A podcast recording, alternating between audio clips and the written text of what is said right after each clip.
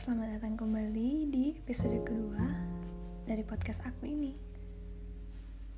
Kali ini aku bakal sharing pengalaman aku tentang perjalanan aku dalam memilih jurusan hingga tahap yang sekarang aku sedang laluin.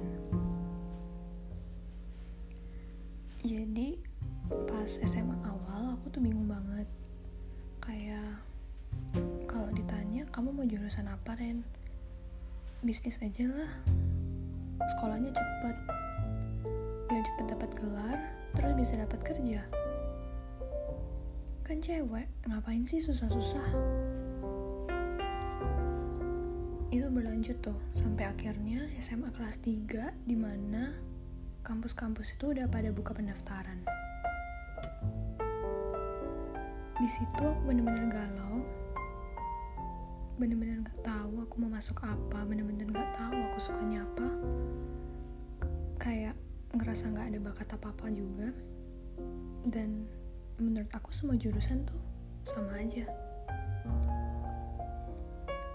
Sampai aku tuh sempat saking putus asanya aku kayak janjian gitu sama temen aku. Eh kita masuk kuliner aja yuk di kampus A gitu Padahal guys, aku aja masuk dapur tuh gak pernah. Bisa motong buah aja gak pernah. Apalagi masuk kuliner bisa jadi apa aku. Udah. Terus deket-deket akhir, entah kenapa, aku tuh memikirkan untuk masuk ke kedokteran. Dan orang tua aku itu emang nyariinnya ke situ gitu. Awalnya papa aku tuh sempet nggak mau karena kan rumah sakit ya. Kayak dokter tuh kerjanya di rumah sakit di mana banyak banget penyakit di situ entah bakteri entah virus. Apalagi zaman sekarang kan ada covid ya. Tapi nggak tahu kenapa akhirnya papi dan mami aku dua-duanya setuju.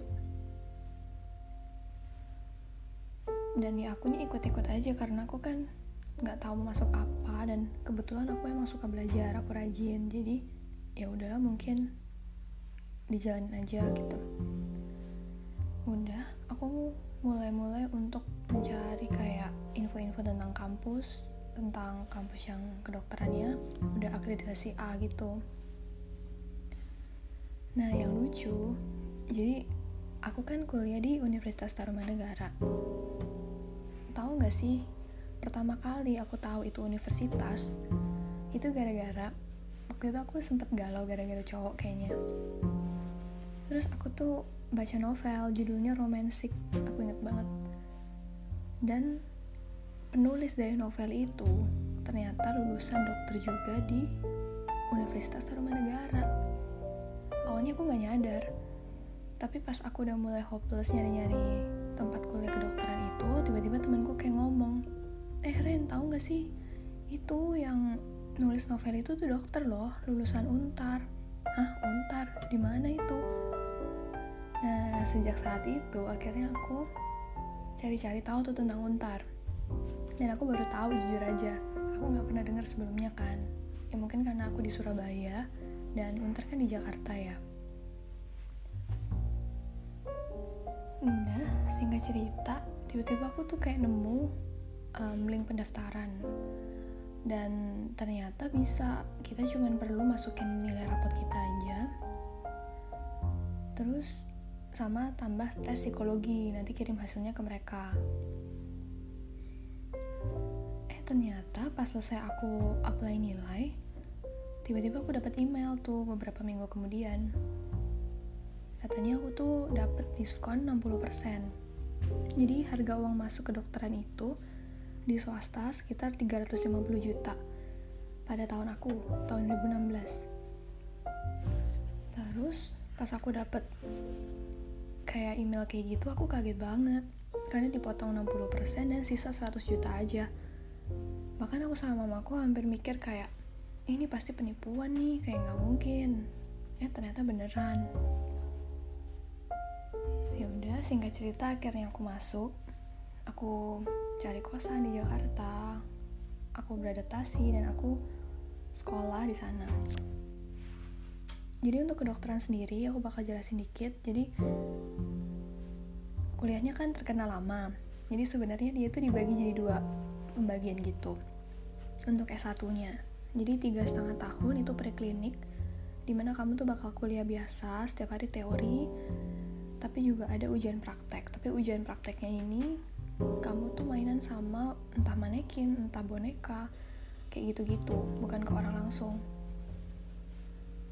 terus setelah kamu lulus dari tiga setengah tahun ini nanti kamu bakal ngadepin yang namanya ujian. Kayak ujian untuk naik tingkat gitu. Yaitu masuk ke tingkat profesi atau koas.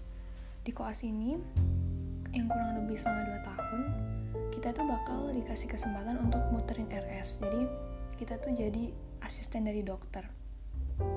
Misalnya kita masuk di stase radiologi atau yang biasa kita tahu ada pemeriksaan CT scan, MRI dan lain-lain. Bagian anak, penyakit dalam dan lain sebagainya. Di mana kita tuh akan bener-bener berhadapan sama pasien langsung dan kita dibimbing sama dokter spesialisnya. Nanti setelah selesai dari koas kita tuh bakal ujian lagi ujian negara. Ada dua tuh ujian negara yang kayak nasional gitu sama ujian praktek. Kalau misalnya kita udah lulus dua-duanya baru deh kita bisa sumpah dokter oh iya transisi dari preklinik ke koas pun itu bakal ada janji dokter muda jadi kalian itu setelah selesaiin tiga setengah tahun pertama, kalian udah bisa dapat gelar sarjana kedokteran. Tapi buat dapat gelar dokternya, kalian tuh harus ikutin koas, yaitu dua tahun lagi gitu. Ya jadi itu perjalanan panjang aku, kenapa aku bisa kuliah di Jakarta, kenapa aku bisa ambil kedokteran, dan yang aku sedang hadapin sekarang. Oh iya, sekarang aku lagi koas baru putaran yang kedua sih tapi ini seru sih walaupun emang capek banget karena kan kalau koas ini kita lebih dituntut untuk bergerak aktivitas ini itu ini itu dan juga harus belajar juga tapi seru kok. Buat kalian yang mau jadi dokter kalian masih bingung kalian bisa tanya-tanya ke aku. Nanti aku bakal share pengalaman-pengalaman aku kalau emang kalian tuh tertarik. Ya udah sekian gini dulu aja. Makasih buat kalian semua yang udah dengerin. Semoga podcast ini bermanfaat buat kalian. Dadah